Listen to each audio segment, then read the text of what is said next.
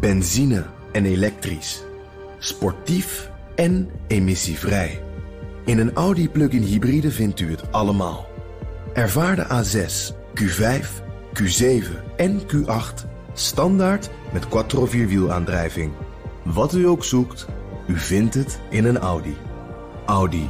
Voorsprong door techniek.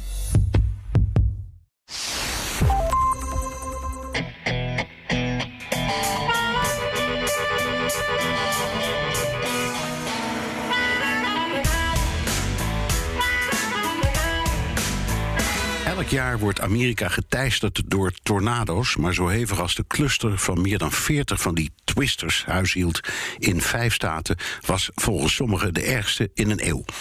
Kentucky was het zwaarst getroffen. Complete stadjes veranderden in maanlandschap. Een kaarsenfabriek werd zo'n beetje het symbool van deze apocalyptische episode. Een enkeling werd onder het puin uitgehaald.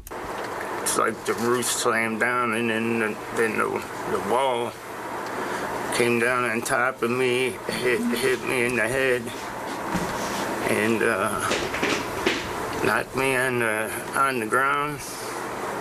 And uh, people just screaming out for help and terrorized. Dit is aflevering 107 van de Amerika-podcast. Mijn naam is Bernard Hammelburg vanuit de BNR-studio... met een heerlijke beker Air Force One koffie. En ik heb makkelijk praten. Maar de razende reporter Jan stond met zijn laarzen in het puin. ja, nu niet meer, maar die, die, eh, mijn vieze schoenen uh, die, die, staan letterlijk uh, naast me, Bernard. Ja. Uh, Jan Posmeijer, net terug van ja, die natuurramp waar je net al wat van hoorde. En, en ik kan het verhaal gelukkig straks vertellen op mijn gebruikelijke stoel aan de eettafel in Washington met een kopje heerlijk hete verse koffie ook. Ja, en natuurlijk gaan we ook praten over die onthullingen over wat Trump wist tijdens de bestorming van het Capitool. Alweer uh, bijna een jaar geleden trouwens. Ja. Dat was op 6 januari. En over de duikvlucht van president Biden in de peilingen. Ja, en uh, voordat ik zo uh, losbarst met, uh, met, mijn verhaal uit Kentucky. Bernard, wat, wat heb jij de afgelopen week meegemaakt? Wat is jou opgevallen? Nou, eerst wat ik meemaak, dat is het inpakken van de apparatuur voor Studio Hammelburg New York. Want daar staat een hoop, maar niet Ah. permanent. En ik ben, zoals je weet, onderweg, Jan. Dus wees, Ja. gewa- wees gewaarschuwd. Voordat je het weet, kijk Dus de weer. grote kisten die gaan die kant weer op. De grote kisten gaan die kant weer op. En wat, wat mij opviel, was een verhaal dat ik heb gelezen op het persbureau Associated Press. Daar ben ik een fan van, zoals je weet. En eh, daaruit blijkt dat. Het is bijna 2022, maar moeders in Amerika doen nog altijd twee derde van het huishoudelijke werk. Dus koken, s s'nachts de huilende baby verzorgen, taxichauffeur zijn voor schoolgaande kinderen. En dat vond ik op, opmerkelijk, omdat ik niet anders weet dan dat vrouwen sinds de Republiek, de Verenigde Staten, is opgericht, altijd hebben gewerkt. Ze hebben altijd. ge- ik, ik herinner me nog toen ik eh, ver- verhuisde, dat was in 79 naar Amerika. Op dat moment werkte 72% van de gehuwde vrouwen. Toen al. Ja, ja, maar denk je dat is, dat, zou dat is dat in Nederland heel anders? Ik, ik weet dat eigenlijk niet, die cijfers. Nee, nou ja. ehm, het, het- het- kijk, vroeger was het zo in Nederland, dat is tot ver na de Tweede Wereldoorlog zo, dat als je als vrouw zwanger werd, dan werd je ontslagen. Dat was een, dat was een geldige regel volgens het arbeidsrecht voor ontslag. Nou, dat, die flauwekul is gelukkig allemaal voorbij. En tegenwoordig werkt percentueel gezien net zoveel van de vrouwen in ehm, Nederland als in Amerika. Eh, vrouwen met een relatie heb ik het dan eh, over. Eh, namelijk drie kwart, 75 procent. Maar in Nederland werken ze gemiddeld 28 uur in de week. En in Amerika werken ze gemiddeld 40 uur in de week. Dus er er bestaan alleen maar volle banen. Ja, ja, ja, ja. Nou ja, ja inderdaad. De, de, deeltijd eh, werken, dat, dat eh, doen ze natuurlijk niet zo in Amerika. Maar je zegt volle banen. Het zijn ook vaak mensen die dan juist meerdere banen hebben. Hè, om toch aan, eh, eh, ja, aan, aan het geld te komen, om rond te komen. Ja, En en die 40 die maken ze wel rond, eh, nou, wel vol. Dus en misschien nog wel meer. Ja, ja en nou ja, en, en eh, die, die twee banen, dat klopt. De, eh, dat is heel vaak als ze bijvoorbeeld eh, studerende kinderen hebben. Want ja, dat, uh, dat, dat, die, die, natuurlijk. die bedragen die zijn zo ongelooflijk hoog. Uh, Of als ze zelf moeten zorgen voor hun ziektekostenverzekering, als dat niet loopt via een baas. Ja, dan, Heb je, dan heb je gewoon een tweede baan nodig, alleen maar om die premie te kunnen opbrengen. Allemaal van dat soort dingen. Dus ja, het is, hard, het is een hardwerkend volk. Ja, want die, die, die, Amerikaanse economie, zou je kunnen zeggen, is daardoor eh, misschien ook juist wel zo robuust. Want, want het, het, is gebaseerd op, op mensen die ja, volledige tweeverdieners eigenlijk. Uh, eh, 80 uur of meer per, per stel. Dat, ja, uh, dat is heel wat natuurlijk. Dat klopt. En er zijn heel veel economen die zeggen: ja, Amerika is eigenlijk al vanaf nou ja, de industriële revolutie de leidende economie. En dat komt daardoor. Dus uh, dat, dat, -hmm. dat, dat klopt zeker. Jan, ja. um, werkende vrouwen, ja, het is één. Uh, verhaal. Maar ik vond het toch belangrijk om er een keer over te praten. Ja, ja uh, zeker. Interessant. Maar even naar het echte verhaal. Jij, jij was de afgelopen dagen in een wereld die totaal vernietigd was. Uh, hoe hard al die werkende vrouwen en mannen ook best hadden gedaan om die wereld op te bouwen. Ja. Uh, hun hele hebben en houden van dierbare baby's. Allemaal gone with the wind. Ja, precies. Ja, ik, ik was in uh, Mayfield in uh, Kentucky uh, de afgelopen dagen. En dat is dat stadje wat je ook steeds op televisie terug zag komen. Dat dat grotendeels met de grond gelijk is gemaakt. Ehm, ja, ik, ik, zal maar vertellen wat je ziet als je zo'n gebied binnenrijdt. Want dat is een heel rare gewaarwording. In eerste instantie is er niks aan de hand. Het, het is Kentucky, een mooi glooiend landschap. groen akkerland. mooie witte hekjes eromheen. Ziet er allemaal heel net uit. Uh, ik, toen ik daar naartoe reed, een lange kolonne witte vrachtwagens van het elektriciteitsbedrijf. Die we gingen ook die kant op met, met zo'n hoogwerker erop. Dat waren er echt wel twintig achter elkaar. En dan kom je bij de ingang van dat stadje. Uh, en dan viel me op dat, de verkeerslichten waren kapot. Die hangen dan zo aan draden zo boven het kruispunt. Hè, maar die hingen nu helemaal scheef, verkeerd of waren eraf gevallen. Deed het ook niet, want de elektriciteit lag er natuurlijk af. En dan kom je dat stadje binnen. En in eerste instantie denk je van oké, okay, er is af en toe een, uh, de, de missen wel dakpannen, het valt nog wel mee. En dan alsof er een knopje om is gegaan is ineens gewoon alles weg. Er zijn geen huizen meer. Uh, er ligt alleen nog maar gruis, puin. Het is alsof alles door een papierversnipperaar is gehaald. Het, het, uh, auto's liggen op de kop. Huisraad ligt overal. Je, je, je, kijkt, als je tussen dat spul kijkt, dan, dan liggen daar hele persoonlijke dingen tussen. Fotoalbums, beeldjes die op de, op de mantel stonden, kleding, alles. En, en mensen daar die zijn daar dan aan het doorzoeken, dat, puin. Op zoek naar hun spullen. Hun huis zijn ze aan het uh, doorzoeken. Uh, dus dat ziet er heel, heel heftig uit. Um, Vooral de huizen die, die zijn dan echt helemaal weg. En dan heb je dan de, ja, de, fabrieken, de, eh, de bankgebouwen, uh, gerechtsgebouwen, dat soort dingen. Die zijn dan vaak van steen. En daar staan er wat meer van overeind.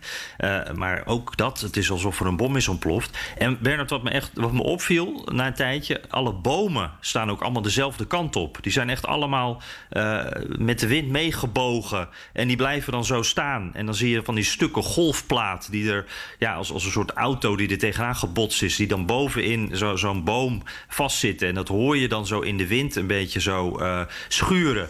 Dus het, en het is verder heel stil, want, want mensen zijn stil op zoek naar hun spullen. En, en er wordt geprobeerd te helpen. En, en, en het is, ja, uh, maar, maar het gewone leven, dat, dat is er op dat ja, moment niet. Dus ja, het, indrukwekkend. Prachtig, het is een soort bevroren beeld. En, en ja, dat is een rare metafoor. Maar je, het is eigenlijk een soort stilte na de storm die jij hebt meegemaakt. Ja, precies. Ja, ja vooral die, die eerste dag, dan is het echt heel stil. En wat, wat ik ook wel bijzonder vond, daarna dan uh, merk je ook dat er steeds meer uh, activiteit komt. Dus je ziet steeds meer klusbusjes rondrijden. Je ziet steeds meer, de, de Nationale Garde is er. Nou ja, van alles, alle hulp komt dan op gang. En... Ik voelde ook echt, want zo'n eerste dag dan heb je zo'n zo zo'n knoop in je, in je maag. En denk je van, wauw, het, het, wat vreselijk is dat allemaal. En uh, daarna dan ga je dan ook wat meer, uh, dan merk je dat de mensen de schouders eronder zetten. Ja. En, uh, nou ja, dat, dat, zal in Nederland ook zo zijn. Maar het voelt ook als een soort Amerikaans optimisme van wij gaan het oplossen, wij gaan er wat aan doen. En toen, nou, dan krijg je toch ook een wat positiever gevoel. Ja, je sprak een dominee die, die een hele spannende nacht had gehad. Ja, ja, dat vond ik echt wel een, een, een ongelooflijk verhaal. Uh, Joe Reed heet hij. Um, hij uh, uh, vertelde dat... Ik kwam hem daar op straat tegen. Hij stond er op de stoep en hij sprak mij zelfs aan. Hij, hij vond het wel fijn om eventjes zijn verhaal kwijt te kunnen. Hij vertelde dat hij die nacht, of die avond... dat die, dat die orkaan overkwam... dat hij vlak daarvoor het huis was ontvlucht. Want hij woont in zo'n Amerikaans huis van hout. ja, waar je dan in de badkuip moet gaan liggen... of in de kelder in de hoop dat er dan iets overeind blijft. En dacht, dat ga ik niet doen. Ik ga in mijn, uh, in mijn kerk ga ik zitten. En dat was een kerk uh, van uh, nou, iets meer dan 100 jaar oud. Ik geloof het zo'n 130 jaar oud. En die was van steen. zoals je ze in Amerika wel meer ziet. Een beetje zo'n zo Griekse tempel, weet je wel. Met van die pilaren ja. voor, torentje en, en helemaal van die grote zware stenen. Um, dus zij ontvluchten hun huis, gaan in de kelder van die kerk zitten. Uh, zitten daar uh, terwijl die storm overkomt. Uh, en hij zegt op een bepaald moment: ik, we hoorden gedonder. En dat werd steeds harder. Dus wij schrokken ons echt een ongeluk. We lagen daar letterlijk te bidden voor ons leven. Um, ik voelde de, de, de, koude wind onder de deur vandaan komen. Ze zaten in, in een kast in die kelder. En ja, het, het, was gewoon een helse kabaal. En, ja. en te, na een paar uur deed hij die deur open van die kelder. En hij zegt: in plaats van het dak zag ik alleen nog maar lucht. Het hele dak van die kerk was een muur was ook helemaal weg. En het, het was een bizar gezicht, Bernard. Want het, het, het, je kijkt zo bij die kerk naar binnen. De psalmenboeken die stonden nog in de kerkbankjes. Um, het, het, het, orgel, dat, dat staat nu in de buitenlucht. Daar hing een stuk dak overheen. En hij zei, uh, ja, we hebben het gered. Uh, daar zijn we uh, vreselijk dankbaar voor. En nu willen we ook zo snel mogelijk zelf aan de slag. ja, over zijn kerk wist hij niet of dat ooit nog weer goed ging komen. Maar hij zei van, we gaan niet zo snel mogelijk... gaan we weer aan de slag om ook de mensen van onze gemeente te helpen.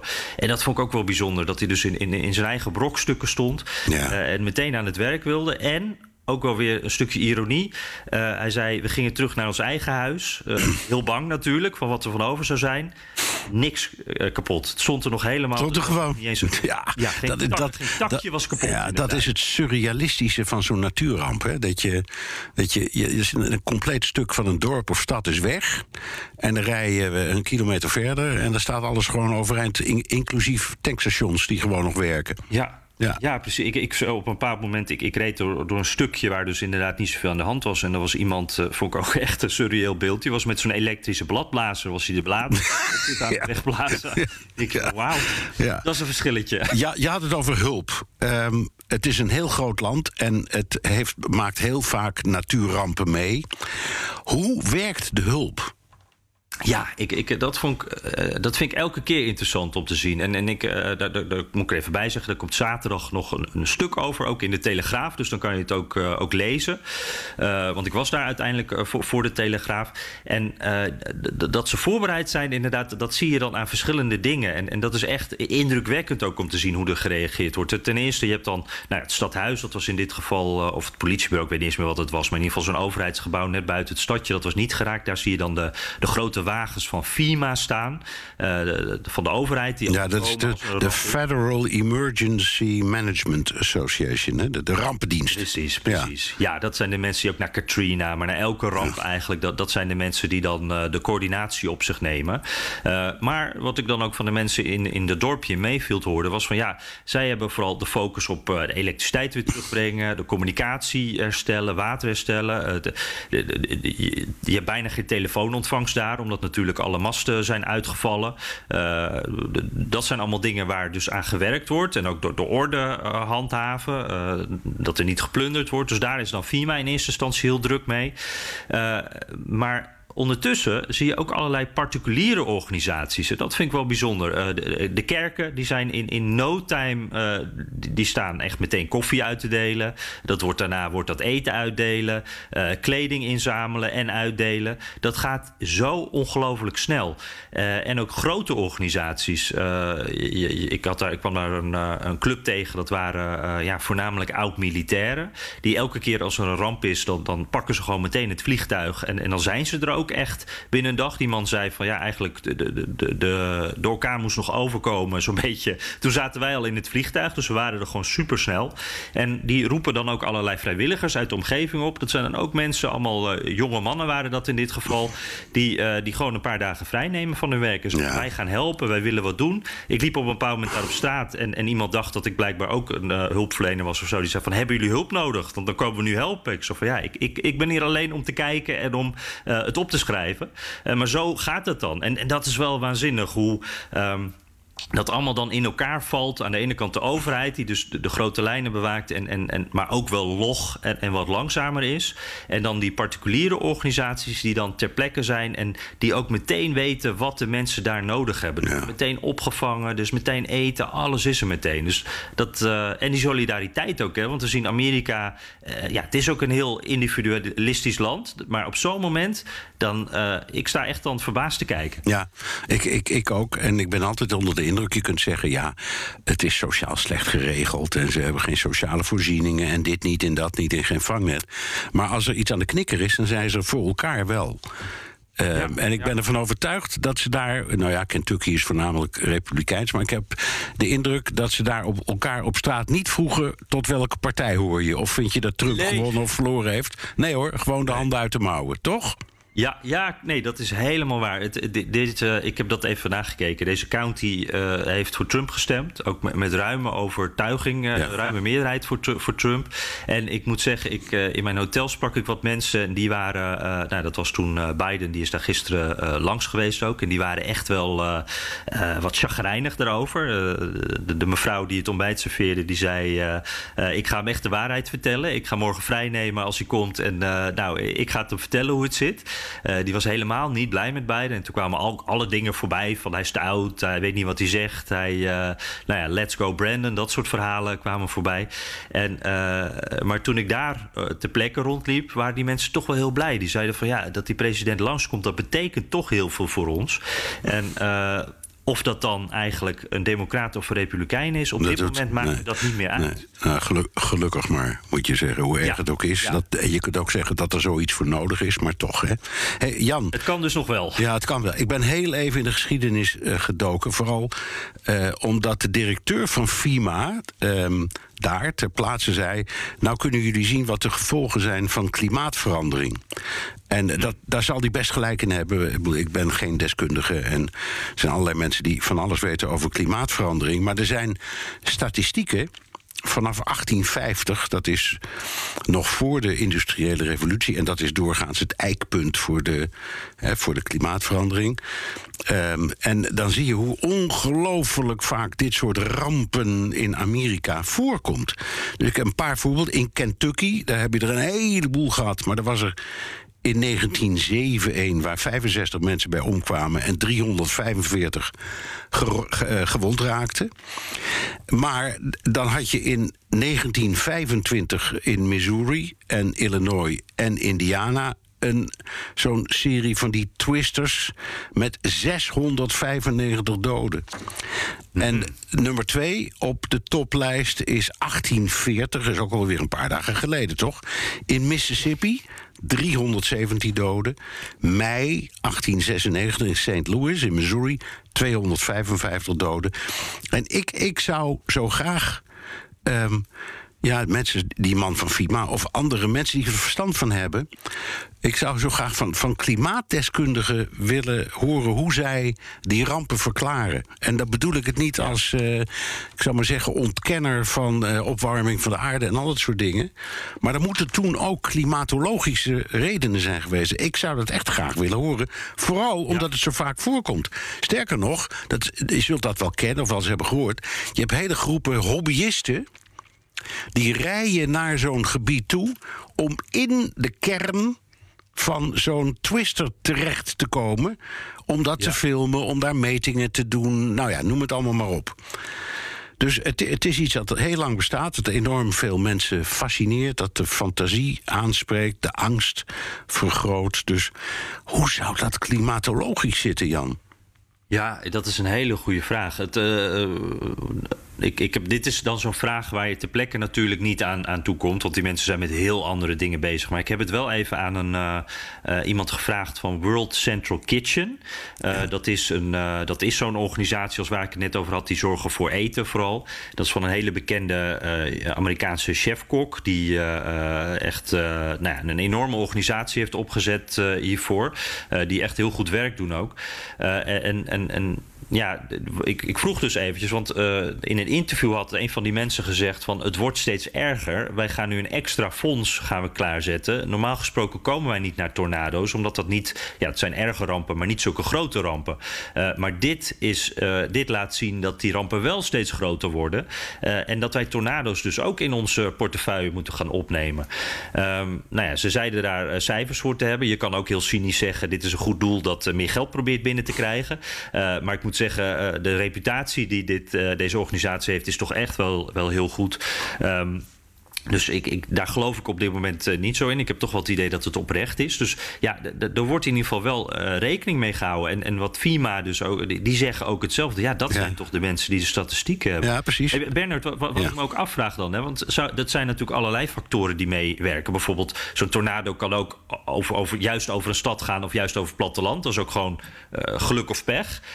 deze was dan wel vrij breed, waardoor je dan meer raakt natuurlijk. Maar zou het ook kunnen bijvoorbeeld dat ze in, nou, noem eens wat, 1896 in St. Louis, uh, dat ze minder goed voorbereid waren. Dat er nu toch, ook al ontstaat zo'n ding heel snel, dat je in ieder geval nog een sms'je kan sturen, een, een noodalert naar iedereen, dat iedereen in die kelder gaat zitten. Ja, dat in dat, 1896 dat, natuurlijk, natuurlijk niet. En je hebt natuurlijk de meteorologische diensten, het, wat we net noemden, hè, die, die mensen, die, die hobbyisten of die nieuwsgierigen, die naar zo'n uh, zo'n zo, zo, windhoos gaan kijken. Die weten al van tevoren dat hij eraan komt. Niet precies waar of hoe snel, maar ze zien hem snel ontstaan en, en hebben dus nog de tijd om in de auto te springen en er naartoe te rijden. Dus ja, dat kon, dat kon natuurlijk in, in 1896 niet. Heb je helemaal gelijk in. Dat scheelt natuurlijk enorm. Nee, dus, ja. dus ik bedoel, maar het, het, een, uh, ja, soms is het, het aantal doden zegt iets over de grootte van de ramp, maar misschien niet over de grootte van de tornado. Nee, daar heb je gelijk in. Ja. Maar we moeten misschien eens uh, een, uh, een, expert op dit gebied uh, vragen hoe dat zit. Ja, ik, ik zou het best willen horen. En, en het is ja, je hebt het niet alleen in de Verenigde Staten, maar je hebt het ook in Azië. Hè, al die, die in, in Japan is berucht om dat soort dingen. in China komt het vaak voor. Dus wat, welk, welk, ja, welk klimatologisch effect is dit? Ik heb geen idee. Nou. Nee, ja, want vandaag was ook weer een dag dat in de Midwest allerlei stormen waren. En, en ik geloof dat een half miljoen mensen zonder stroom zitten. Ja. Uh, de, de, je, je, krijgt wel zo'n gevoel, nou ook al die rampzomer in Californië met al die branden. Ja. Uh, nou ja, er zijn vast nog wel wat dingen die ik vergeet. Nou, maar wat die elektriciteit betreft, dat moeten we toch nog maar een keer zeggen. Het is ook absurd dat in deze tijd het grootste deel van het Amerikaanse elektriciteitsnet nog bovengronds is. Ja, dat is, dat, dat is krankzinnig. Ja, ja, ja. Dat je ook, ook in steden overal van die elektriciteitsleidingjes van dak naar dak. Ja, als iemand uh, even een beetje hard uitademt, dan is het gebroken. Dus, ja, klopt. Ja. het zijn soms een soort knutselproject. Ja, precies. Hè? Ja. Dat, uh, ja, nee, dat is echt. Ja, daar, daarover gesproken trouwens. We hadden ook een luisteraarsvraag van uh, Tim Segeren. Uh, die zegt: Wat ik mezelf afvraag is hoe de huizen in staten zoals Kentucky over het algemeen zijn gebouwd. Want ik heb het idee dat er veel hout wordt gebouwd en weinig steen.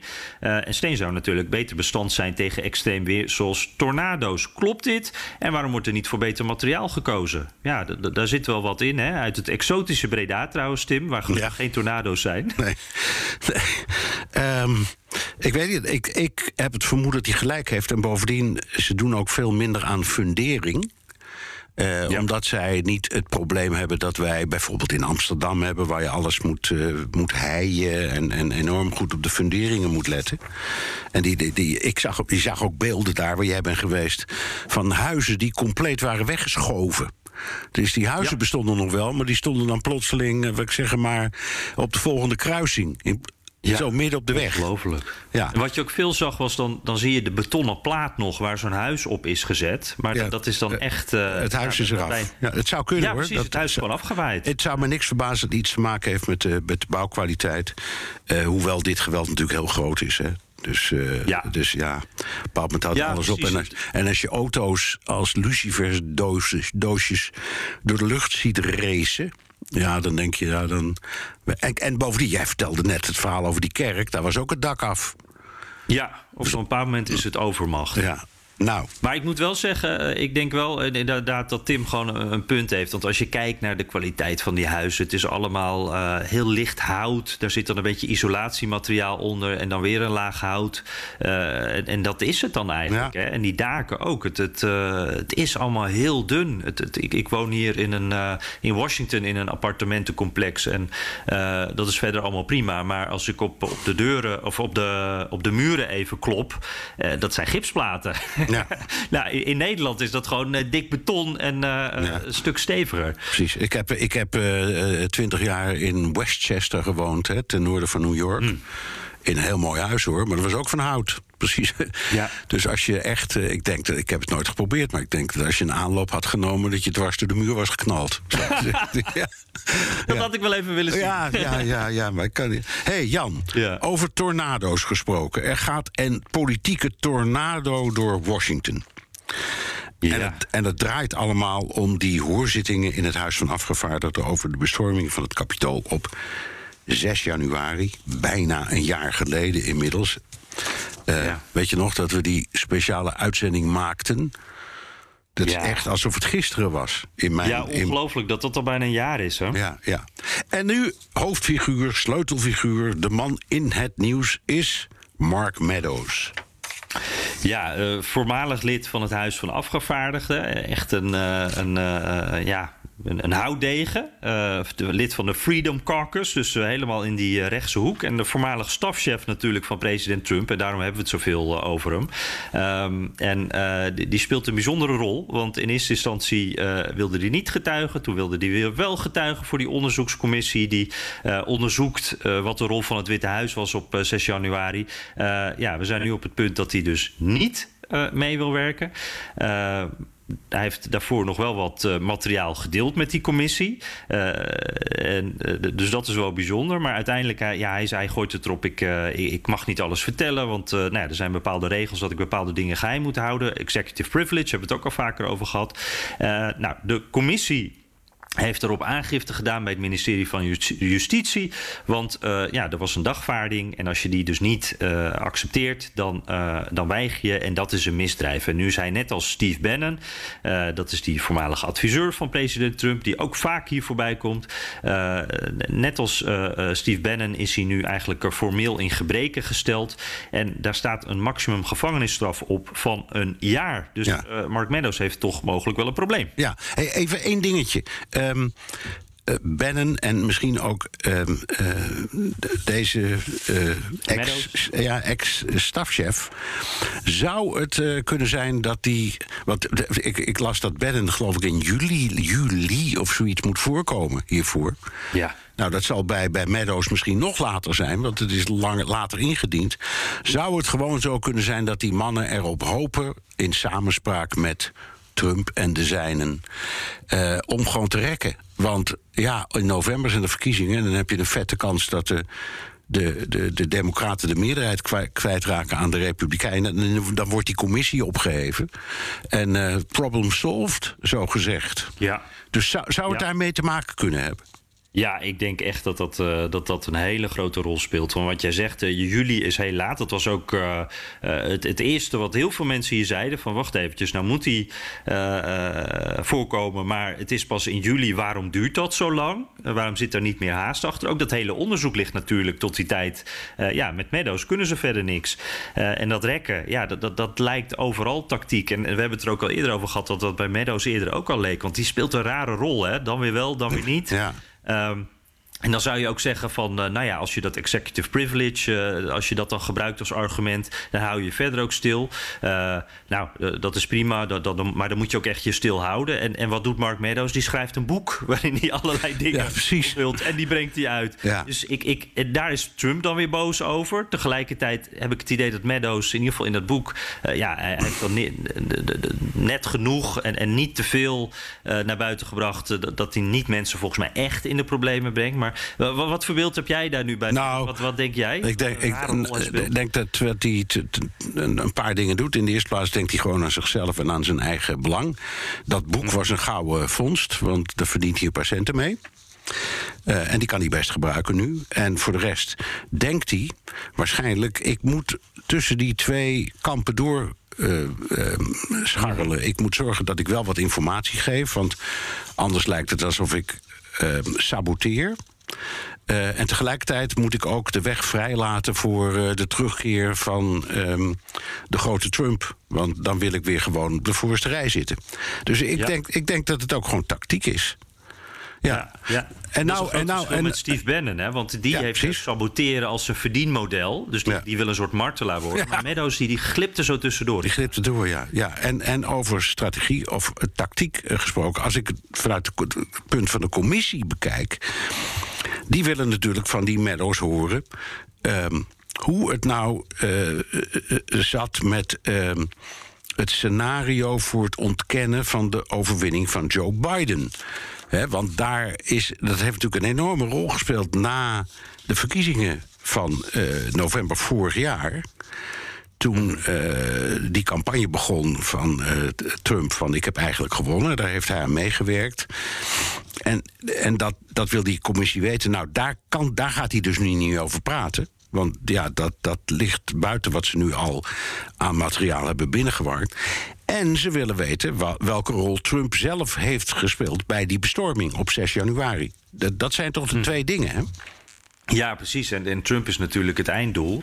En uh, ja, ik, ik, zie ook. Uh, ik, ik, ben benieuwd of, of, jij dat, of jou dat ook opvalt. Ik zie ook ik zie een gelijkenis met de impeachmentprocessen en het Mueller-onderzoek. En hoe daar door een groot deel van de Amerikanen met, met uh, grote spanning naar wordt gekeken. Dat, dat elk uh, flintertje dat naar buiten komt en zegt: zie je wel, kijk, dit is Trump. Trumps rol is duidelijk. Maar uiteindelijk, ja, denk ik niet op dit moment hebben we dat nog niet eigenlijk. Nee. Uh, Trumps rol dat, dat blijft op dit moment vaag. Het ziet er allemaal schimmig uit, maar meer dan dat wordt het ook niet. Dus dat einddoel Trump, dat, daar zijn we volgens mij allebei sceptisch over. Ja. Uh, ja, maar goed, ja. dat even terzijde. Ja. Uh, het is wel spannend, want uh, ja, Meadows die, die had dus al wel al een hoop documenten overgedragen. maar ook de sms en de WhatsApp boodschappen, of een deel daarvan in ieder geval, tijdens uh, de bestorming. En dat was echt wel eventjes zo'n moment dat iedereen aan de buis gekluisterd zat hier, want uh, uh, je weet niet wat je hoort. hij werd gewaarschuwd door echt de, een paar van de grote Fox News-sterren. Laura Ingram, Brian Kilmeade, dat is van Trumps favoriete ochtendprogramma, hè, Fox and Friends. Ja. John Hannity. Allemaal mensen die, die sms'ten met Trumps stafchef, met Mark Meadows, en die allemaal smeekten of Meadows uh, Trump wilde vragen in te grijpen. En wat ik ook wel heel bijzonder vond, ook Donald Jr., de zoon van, die stuurde wanhopige boodschapjes naar Mark Meadows dus. Dus dat, dat kan dan twee dingen betekenen, denk ik. Of Donald Trump luistert niet naar zijn zoon, wat heel goed zou kunnen. Of Donald Jr. die wilde het niet rechtstreeks tegen zijn vader zeggen en doet het maar via de stafchef. Ja. maar ik neem aan dat die twee gewoon hun, zijn nummer hebben. Um, en, uh, maar goed, de, de, dat in ieder geval speelde allemaal. En, en dat kwam allemaal naar voren op het moment vlak voordat uh, het Huis van Afgevaardigden stemde over uh, Mark Meadows en over of hij vervolgd moest worden. En toen las Liz Cheney, de Republikeinse vicevoorzitter van de commissie, die las een aantal van die sms'jes voor. Quote: Mark, the president needs to tell people in the Capitol to go home. This is hurting all of us. He is destroying his legacy, Laura Ingram wrote. Please get him on TV. Destroying everything you have accomplished, Brian Kilmeade texted. Quote, can he make a statement? Ask people to leave the Capitol, Sean Hannity urged. As the violence continued, one of the president's sons texted Mr. Meadows, quote, he's got to condemn this shit ASAP. The Capitol Police tweet is not enough, Donald Trump Jr. texted. Meadows responded, quote, I'm pushing it hard. I agree. Hm. Ja, dat, uh, daar sta je even van te kijken, toch? Als je dat voor het eerst hoort. Uh, heel veel mensen hier dus ook. Om een paar redenen. Ik, wat, wat ik zelf heel interessant vind, is de rol van Fox News hier ook in. Die sterren dus die op tv wat anders zeggen. Namelijk op tv zeggen ze... ah, dit was helemaal niet zo groot, het wordt overdreven. Dit is een soort heksenjacht tegen republikeinen. En ook dit waren geen Trump-supporters. Dat wordt ook nog steeds geroepen door veel republikeinen. maar achter de schermen waren ze dus uh, Trump aan het sms'en van zorg dat ze naar huis gaan. En zij leggen die verantwoordelijkheid dus ook bij, bij Trump neer. Dat is heel duidelijk. Ja. Uh, uh, maar goed, dat, die rol van Trump, dat is natuurlijk uiteindelijk uh, waar mensen ja, van willen weten. Ja. Hoe zit dat? Ik, ik heb ook ademloos geluisterd. Uh, de, deze fragmenten zijn ook internationaal, ook uh, in Nederland, veelvuldig al gespeeld. Ook op BNR. Je hebt ze zelf ook al laten horen een paar keer. En ja, in ik, jouw programma. Ja, ook in BNR De Wereld. En, en we hoorden het ook in, in de spitsprogramma's voorbij komen. Ik, ik, je weet niet wat je hoort. Um, en de vraag is natuurlijk, en daar, daar, refereerde jij net al aan, want komen ze hier nu mee bij Trump zelf? Wat wist Trump? Regisseerde hij die bestorming? Of zat hij alleen maar gelukkig te kijken naar uh, de televisiebeelden? Um, en voor mij is er van al, deze ja, bijzondere uh, uh, boodschappen één die mij het meest intrigeert. En dat is het antwoord dat Mark Meadows schreef aan Donald Jr. Want dat speelt boek, spreekt boekbeden, ik. Ik weet het, schrijft hij. Ik doe wat ik kan en ik ben het met je eens. Namelijk mm -hmm. dat. Ehm, uh, Trump een eind moest maken aan deze shit, zoals Donald Jr. het noemde.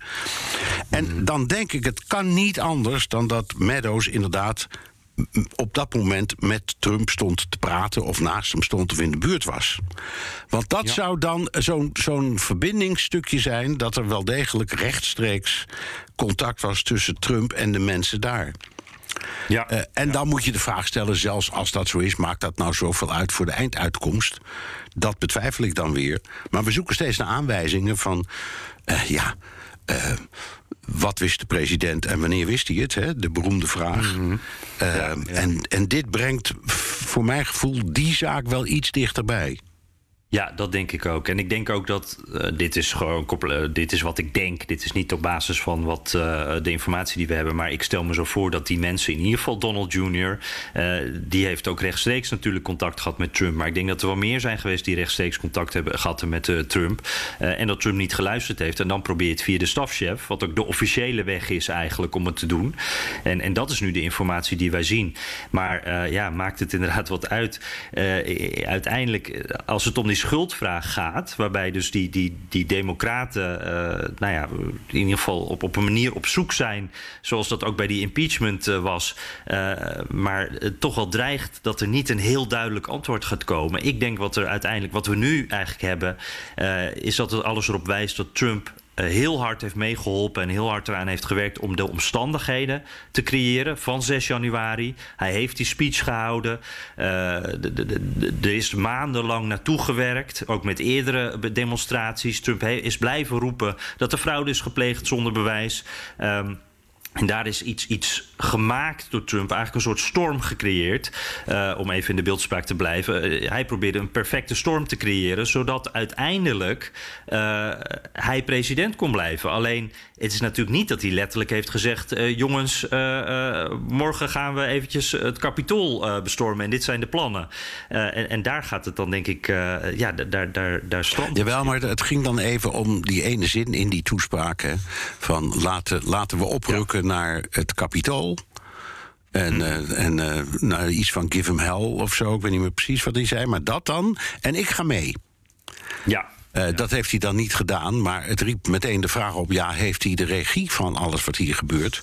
En daar zoeken ja. we dan steeds naar.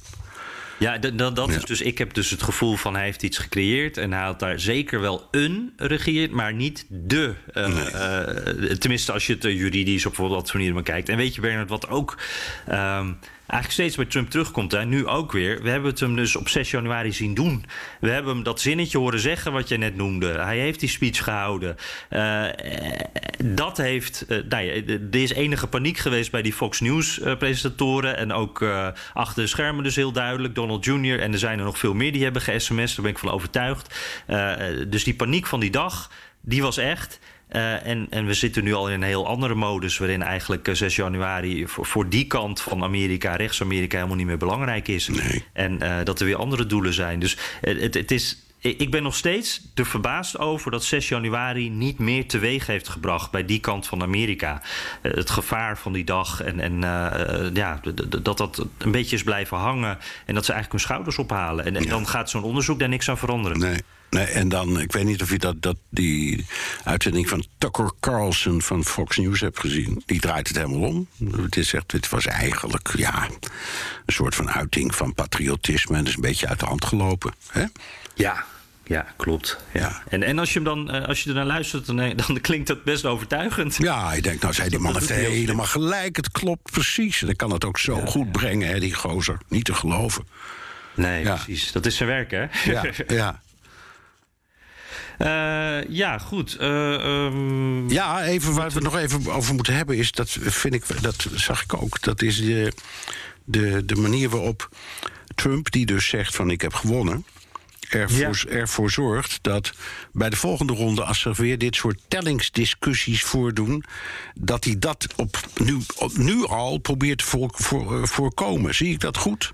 Ja, ja, ja. En dat is, dat is ook zoiets waarvan uh, dat blijft maar sluimeren. En je ziet allerlei signalen daar steeds van binnenkomen. Uh, New York Times had er nu een goed verhaal over met, met hoe de, de, de Republikeinen eigenlijk uh, ja, op jacht zijn. hoe ze in de provincie, allerlei plekken in Amerika. Uh, uh, proberen die functie van stemmenteller uh, en controleur, die, die, die functies die, die, normaal zorgen voor, voor het checken, voor, voor de zorgen dat het eerlijk verloopt, dat daar iemand van hun kleurtje zit. Um, en normaal worden die simpelweg door de plaatselijke kiescommissie gerecruiteerd. Uh, het is vrijwilligerswerk. Uh, maar nu halen de Republikeinen dus een beetje die, die infrastructuur naar zich toe. Die zorgen ja. ervoor dat, uh, dat zij daar de baas zijn. Ja, dus ik, ik, ik, ik hoor je dat nou vertellen. En ik denk wanneer, je, wanneer ik bijvoorbeeld in Nederland ga stemmen. Um, dan krijg ik zo'n kiesbiljet thuis. Nou, dat heb je in Amerika niet. Maar goed, op een bepaald moment kom ik bij zo'n zo'n bureau. En daar zitten mensen achter het bureau. En die, uh, uh, uh, daar meld ik me aan. Hmm. En is het, is, begrijp ik nu goed dat, dat jij nu vertelt dat dat soort mensen.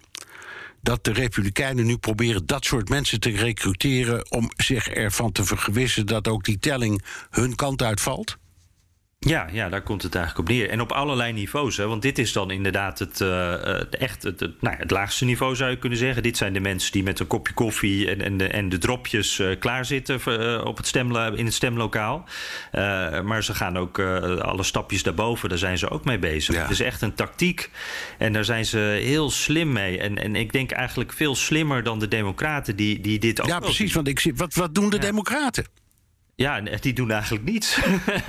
nee, dit is echt uh, tragisch hoor. Het, het, is, het doet me heel erg uh, denken, uh, misschien dat het zo ook nog even voorbij komt trouwens, maar dat gerrymanderen, hè, dat, dat, je, je, dat je de, de kiesgebieden... Ja, dat is het, het, het indelen van de kiesdistricten nadat er een volkstelling is geweest. En dat is nu net geweest. Ja, en, ja, en dat kan je op een voor je partij heel slimme manier doen, waardoor je altijd de verkiezingen wint. Nou, daar zijn de Republikeinen zijn daar ook heel slim mee. En, en het gaat ook bijvoorbeeld om uh, rechters. Uh, Republikeinen zijn heel slim in, in het doorzetten van hun eigen rechters. en zo zijn ze. Dit is ook weer een stapje. Zij zijn heel slim in het, ja, in het systeem een beetje bespelen. Dat is het toch, Bernard? Ja, dat is het. Hm. En, maar, het, het, ja, nou goed, maar de vraag is. En de Republikeinen dan? Het, lijkt. Ook als ik weer nu zo dit hoor en jou hoor vertellen over dat New York Times verhaal. Het lijkt alsof die Democraten gewoon helemaal niks doen. Die laten het allemaal maar gebeuren. Ja, waar waar is Biden, Jan? Ja, en dat hoor je dus ook bij Democraten. Van, uh, uh, nou ja, ze willen ook kieshervormingen, die Democraten. Dat is allemaal een moeilijk verhaal. Zoals eigenlijk alles wat Biden probeert te doen, een moeilijk verhaal is. En ze hebben ook echt het gevoel, de democratische achterban, dat er gebeurt eigenlijk niets. we staan een beetje stil, terwijl die Republikeinen, nou ja, net, net, als met al die voorbeeldjes die ik eerder noemde, tot aan het Hoge Rechtshof aan toe, die zijn heel slim met een tactiek bezig. En eigenlijk missen de Democraten een beetje een wedstrijdtactiek. Die doen allemaal wel wat. En uh, ik, ik, keek naar een, een, peiling. Je weet het, altijd leuk om naar peilingen te kijken. Um, dit was eentje van ABC dan. En dan zie je weer dat die populariteit van Biden uh, keldert. Uh, nog maar de helft uh, steunt zijn coronabeleid. Dat, dat, dat was een paar maanden geleden. Dat was in maart nog maar 72 procent. nou, dan heb je nog die, die schietpartij in Michigan. Hè, op die high school in, in Oxford. Um, dus een tweederde van de Amerikanen is, is tegen zijn wapen- en, en, en zijn, zeg maar zijn misdaadpolitiek. Uh, inflatie, alles wordt duurder aan de pomp, maar uh, op allerlei plekken. Uh, dus Amerikanen merken dat in de portemonnee. ik, ik geloof dat iets van 69% van de Amerikanen zijn economische beleid afkeurt. Dus ja, we, we, hebben het er al vaak over gehad, over, over Bidens moeilijke positie. Die moeilijke positie die blijft, die wordt ook niet beter. Nee, maar toen hij net begon, toen was hij om een, op een aantal punten ging het goed. het coronabeleid, dat vonden links en rechts fantastisch. Nou, dat is helemaal ingestort. Uh, het virus is hem toch dus te, te slim af. En de, de, de, de, de antifaxbeweging ook, heb ik de indruk. Ja. En op alle andere punten. Ja, je kunt zeggen, die schietpartijen zijn van alle tijden. Hm. Uh, maar op hem wordt het op de een of andere manier vertaald als een zwakkeling, zowel uh, in, in, in het wapenbeleid als de misdaadpolitiek. Dus hij doet te weinig aan misdaad. En hij gaat, denk ik, in de ogen van de kiezers te veel tekeer tegen wapens. Want dat valt dan ook weer fout. Hmm. Dus ja, ja. ja, En, dat, en dat ze in Saoedi-Arabië de olieprijs verhogen, ja, dat kan hij niet helpen, maar hij betaalt wel de prijs. En hij, hij heeft, uh, wat was het? Twee weken geleden heeft hij een deel van de nationale oliereserve vrijgegeven. Mm-hmm. In een poging om die prijs omlaag te krijgen. Dat is ook niet echt gelukt. Dus ja, de Amerikaan ziet een, uh, toch ja, een blunderende president. Het is niet anders, hè? Ja, en daar zit ook iets, uh, iets oneerlijks in, vind ik. Want um, als je kijkt naar hoe Trump dat aanpakte. Trump is natuurlijk een, geboren verkoper. En, en die wist ook altijd ook mislukkingen goed te verkopen. Hij, hij geeft, het was vaak heel kinderachtig. Hè? Hij geeft altijd een ander de schuld. Het is nooit uh, Trumps schuld. Het is altijd degene voor hem. Of, nou, het maakt niet uit, maar het is nooit Trumps eigen schuld. er zit ook een, cultuuroorlog aspect in. Hè? De, die wapens in ieder geval. Uh, Trump wist altijd de, de, emotie daarbij los te maken. Maar hij kwam daar altijd zelf toch redelijk uh, ongeschonden uit.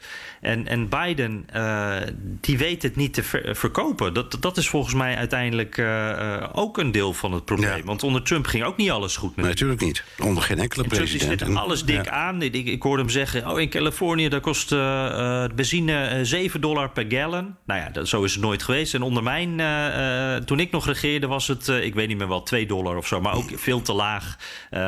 ja, de werkelijkheid is ergens tussen 3,5 en 4 dollar per, ja, per gallon. Hè. Een gallon is bijna 4 liter. Dus we ja. betalen in Amerika nog steeds de helft van wat een litertje benzine in Nederland kost. Ja, klopt. Dus en zo zeuren, dat uh, is ja. ook maar relatief. Kortom, Jan. Maar Biden die heeft gewoon elke keer... En, en die heeft ook steeds... Die, die heeft ook wel wat lastigs te verkopen. Want die zegt dan van, we willen het groen maken. En uh, uh, dat fracking, daar moeten we mee stoppen. Of nou ja, daar is hij dan een beetje dubbelzinnig dubbelzinnig over. Maar uh, oliepijpleidingen die niet door mogen gaan. Uh, ja, Trump kan dan ook wel heel makkelijk zeggen van ja, ik wilde gewoon zoveel mogelijk uh, olie binnenkrijgen en die prijs zo laag mogelijk houden. Biden heeft op dat punt ook wel een moeilijke verhaal. Ja. Hij heeft nog een hoop werk te verrichten, Jan, die Biden. En, ja. en, en jij ook, Jan, want we gaan naar de luisteraarsvragen. ja, precies. Ja, nou, dat wordt ook wat voor jou, want jij mag al die antwoorden gaan verzinnen. Uh, onder andere op de vraag van Ron Kolen. Uh, ultiem genot om naar de podcast te luisteren. Nou, dan wordt je vraag sowieso voorgelezen. Als je dat soort dingen zegt, dan, dan heb je ons. hij zegt, ik ben zelf muzikant en heb twee van mijn nummers gewijd aan hele grote Amerikaanse thema's. Te weten de wapengekte, aha, mass shootings, too late to surrender... en de jaarlijkse bosbranden in het algemeen... en Campfire in het bijzonder. Paradise, dat was die, die bosbrand... Ehm, waar dat hele dorpje uh, ook was weggevaagd. Uh, nou, hij heeft de links naar de videoclips onderaan uh, de mail gezet. Ik zeg maar eventjes, als je naar Ron Kolen en Kolen met C-O-O-L-E-N .rocks gaat, dan kan je ze zelf even naluisteren en zien. Um, maar toch mooi dat er in uh, Nederland uh, gewerkt wordt uh, met grote Amerikaanse thema's, Bernard. Ja, dat vind ik ook. En, ja, en, en dus... petje af voor iemand die dat die thema's ook in, in een kunstvorm weet om te zetten. Dat vind ik altijd fantastisch als je dat kunt. Omdat het dan, ja, klopt. dan ook terechtkomt bij mensen die misschien niet zo uh, uh, krankzinnig als wij elke letter in het nieuws volgen. Maar als het op een bepaald moment een popnummer wordt met, in de muziek, ja, dan, dan, dan bereik je echt iets. Zeker. Dus, ik moet eerlijk zeggen, Ron, ik heb geen tijd gehad om het nog te beluisteren. Dat ga ik zeker even doen. Hij zit ook op Spotify, Bernard. Dus ja. goed te vinden, die Ron Kolen. Ja, nou, ik ben heel blij met deze. Ik moet maar zeggen, ik vind het een, een hele onverwachte en ontzettend gewaardeerde, door mij gewaardeerde reactie. Leuk. Zeker. Ja. Sluit ik me bij aan. Uh, dankjewel, Ron. Uh, van Ron gaan we naar Rob. Rob Mullaert. Uh, die zegt van ja, in nummer 105 ging het over, onder andere over de president en de mensen om hem heen. die vanaf de zijlijn een actieve rol hebben gespeeld in de bestorming van het Capitool. U gaf aan een grote twijfel over te hebben of het strafbaar was dat die mensen stonden te juichen of aan te moedigen. Ik ben benieuwd hoe dat zit in het Amerikaanse recht. Maar in het Nederlandse strafrecht is iemand die aan de zijlijn geweld aanmoedigt wel degelijk strafbaar wegens medeplegen. En net zo strafbaar als de geweldsplegers zelf. Ja. Uh, dat, dat kan. Ik, ik, ik, ik, neem aan dat uh, uh, meneer Muller jurist is, of in elk geval dat goed heeft uitgezocht. Ja. Um, ik weet ook niet of het zo zwart-wit is hoor. Um, soms wel of soms niet. Kijk, als je, van, als je uh, een rel ziet en je staat ernaast en je roept: jongens, waarom pakken jullie niet je vuurwapen en schiet iedereen overhoop? Ja, dat is strafbaar. Maar ik weet niet of je medeplichtig bent, ik kan niet beoordelen. In elk geval, in Amerika ben je dat veel minder snel. Hm. Uh, je bent veel minder snel medeplichtig aan een geweldsmisdrijf. Uh, omdat heel veel van wat je roept of schreeuwt tijdens zo'n bestorming, allemaal valt onder de bescherming van de vrijheid van meningsuiting en het Eerste ah, Amendement. En, ja. de, en de, dat is breder dan uh, in de meeste uh, Europese democratieën. Dat is gewoon een feit. Um, en het Engelse recht waarop het Amerikaanse is gebaseerd, is wat dat betreft ook veel liberaler. En wij hebben meer het Romeinse recht en het Franse recht, dat is op dat punt ietsje strenger. Dus dat kan. Uh, maar ik denk dat het moet. Maar ook even, hè, in deze kwestie, in die bestorming, zijn meer dan 600 uh, strafzaken geopend. Dat is de grootste groep hoeveelheid strafzaken in één affaire in de hele Amerikaanse geschiedenis. Dus het is ook weer niet zo dat iedereen nou maar met alles wegkomt. nee, nee, nee. precies. Het is alleen natuurlijk lastig uh, hierin. Je hebt mensen die het doen, die letterlijk een agent op zijn hoofd slaan. En je hebt mensen die uh, voor het Witte Huis een toespraak houden. waarin ze een beetje vaag zeggen: uh, laten we met z'n allen naar het kapitool gaan. En ja, wat Jawel, maar wat, wat, wat, gebeurt er als die vent een agent in elkaar slaat. en er staat een groepje om me heen en die roept: jongens, sla wat harder. Ja, precies. Dat weet ik niet gewoon. Dat, of dat nou strafbaar is of niet, dat weet ik gewoon niet.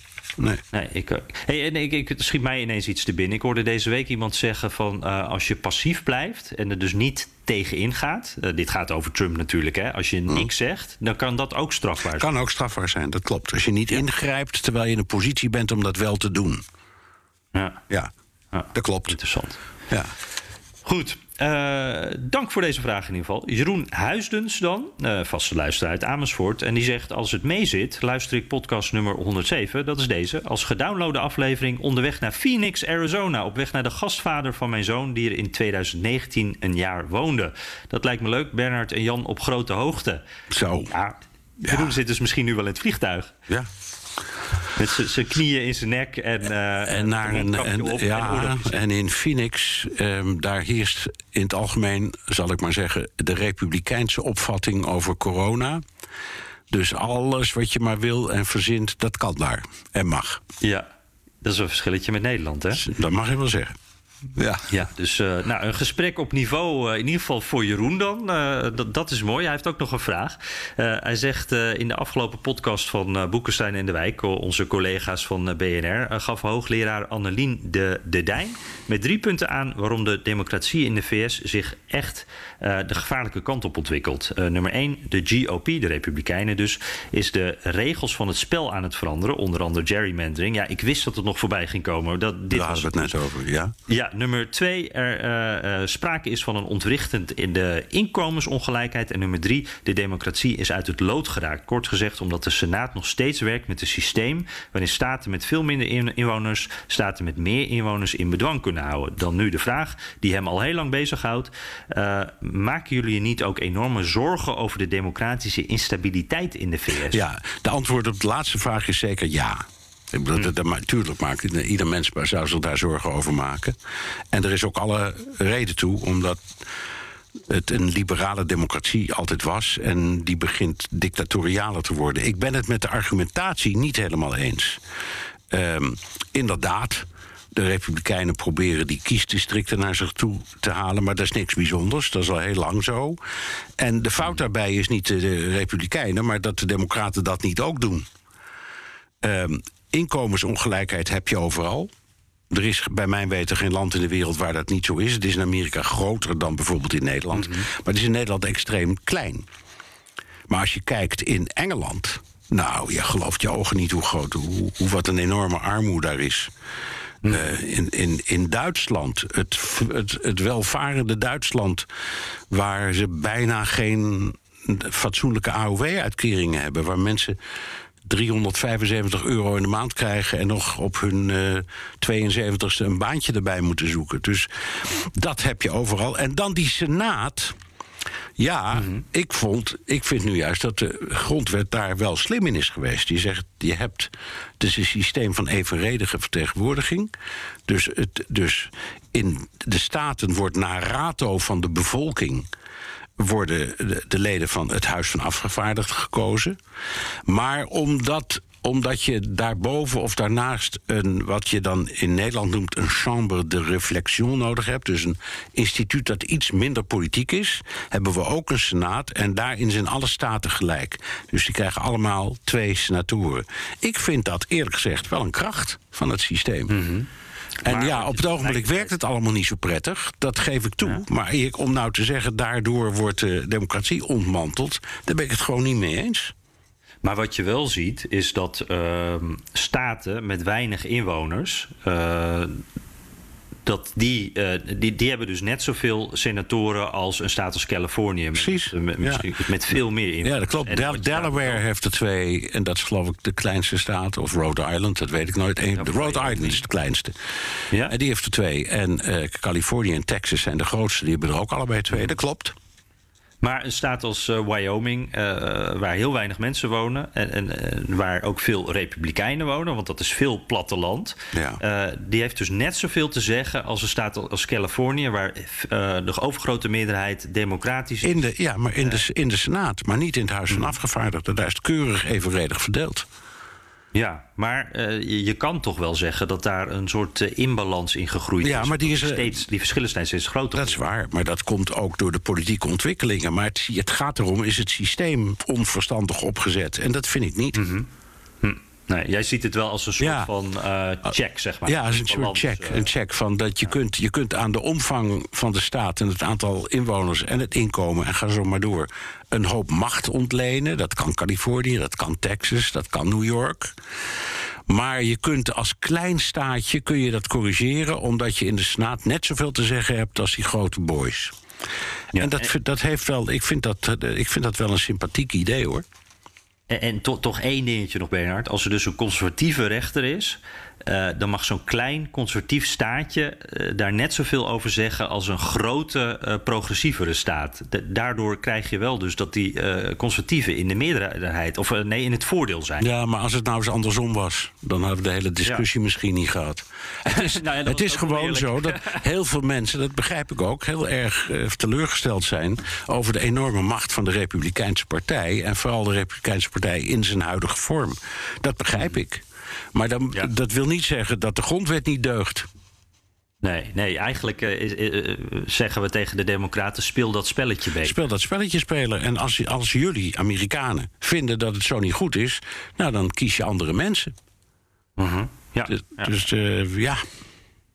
Nou, Eh, Ik, ik, één dingetje tot nog tenslotte wat niet genoemd wordt. eh, eh, Trumps beweringen van fraude. En hoe dat ook een grote rol speelt in de komende verkiezingen. Hè, dat bepaalde kandidaten, dat, het is echt een soort lakmoesproef. Je moet kleur bekennen.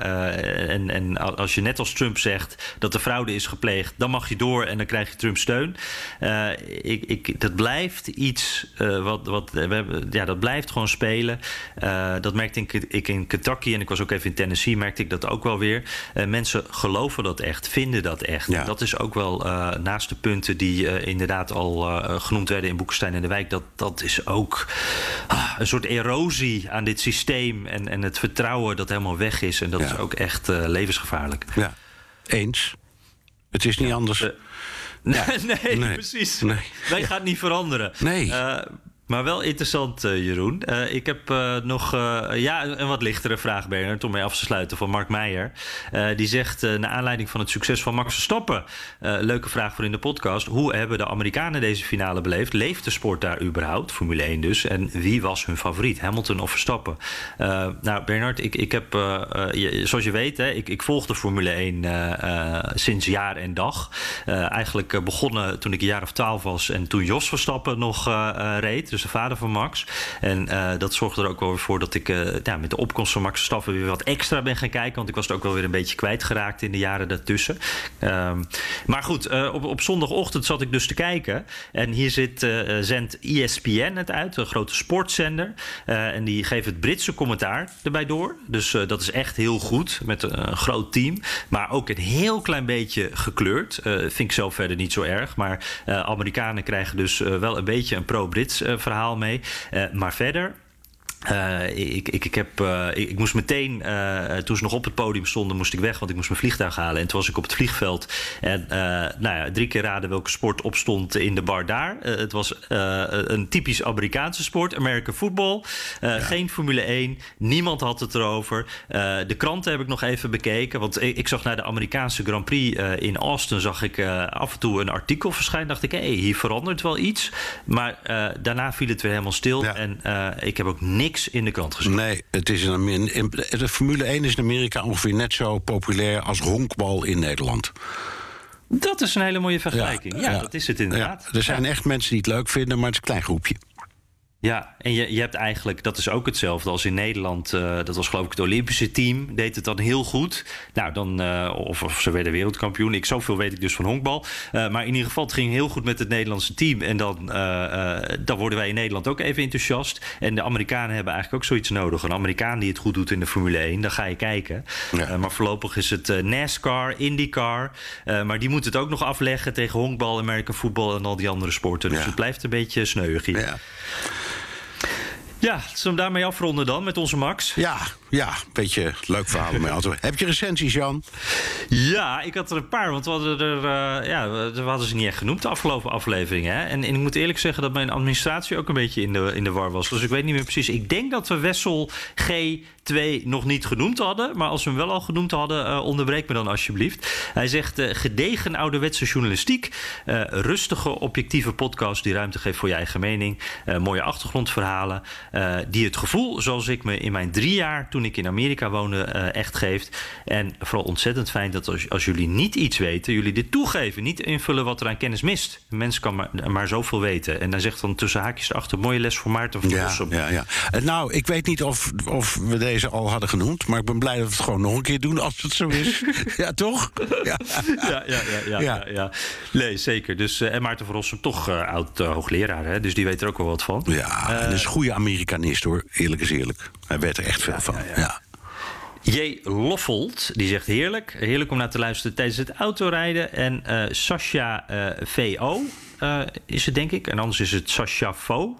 Uh, die zegt leerzaam en prettig luisteren. Goed om op de hoogte te blijven en wat meer te weten komen. Ik luister meestal in de auto naar het werk of als mijn dochter bezig is met haar middagslaapje. Het is onderdeel van mijn uh, relax moment. Mom life staat erachter. dus, en ze zegt daarna, als ik geluisterd heb, dan bespreek ik het ook nog even met manlief. Dus het wordt met het hele gezin straks besproken. Zo, zo. Dan maar hopen dat ze van dezelfde politieke denkrichting zijn. Anders... ja.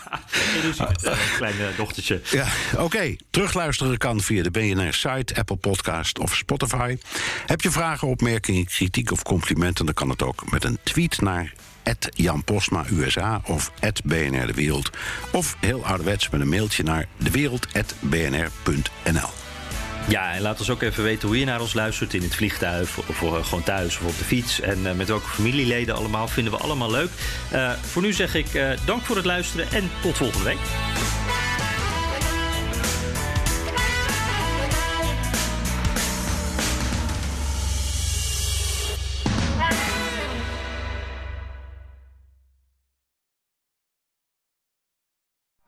Benzine en elektrisch.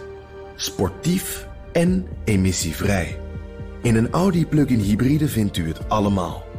Ervaar de A6, Q5, Q7 en Q8 standaard met quattro vierwielaandrijving. Wat u ook zoekt, u vindt het in een Audi. Audi. Voorsprong door techniek.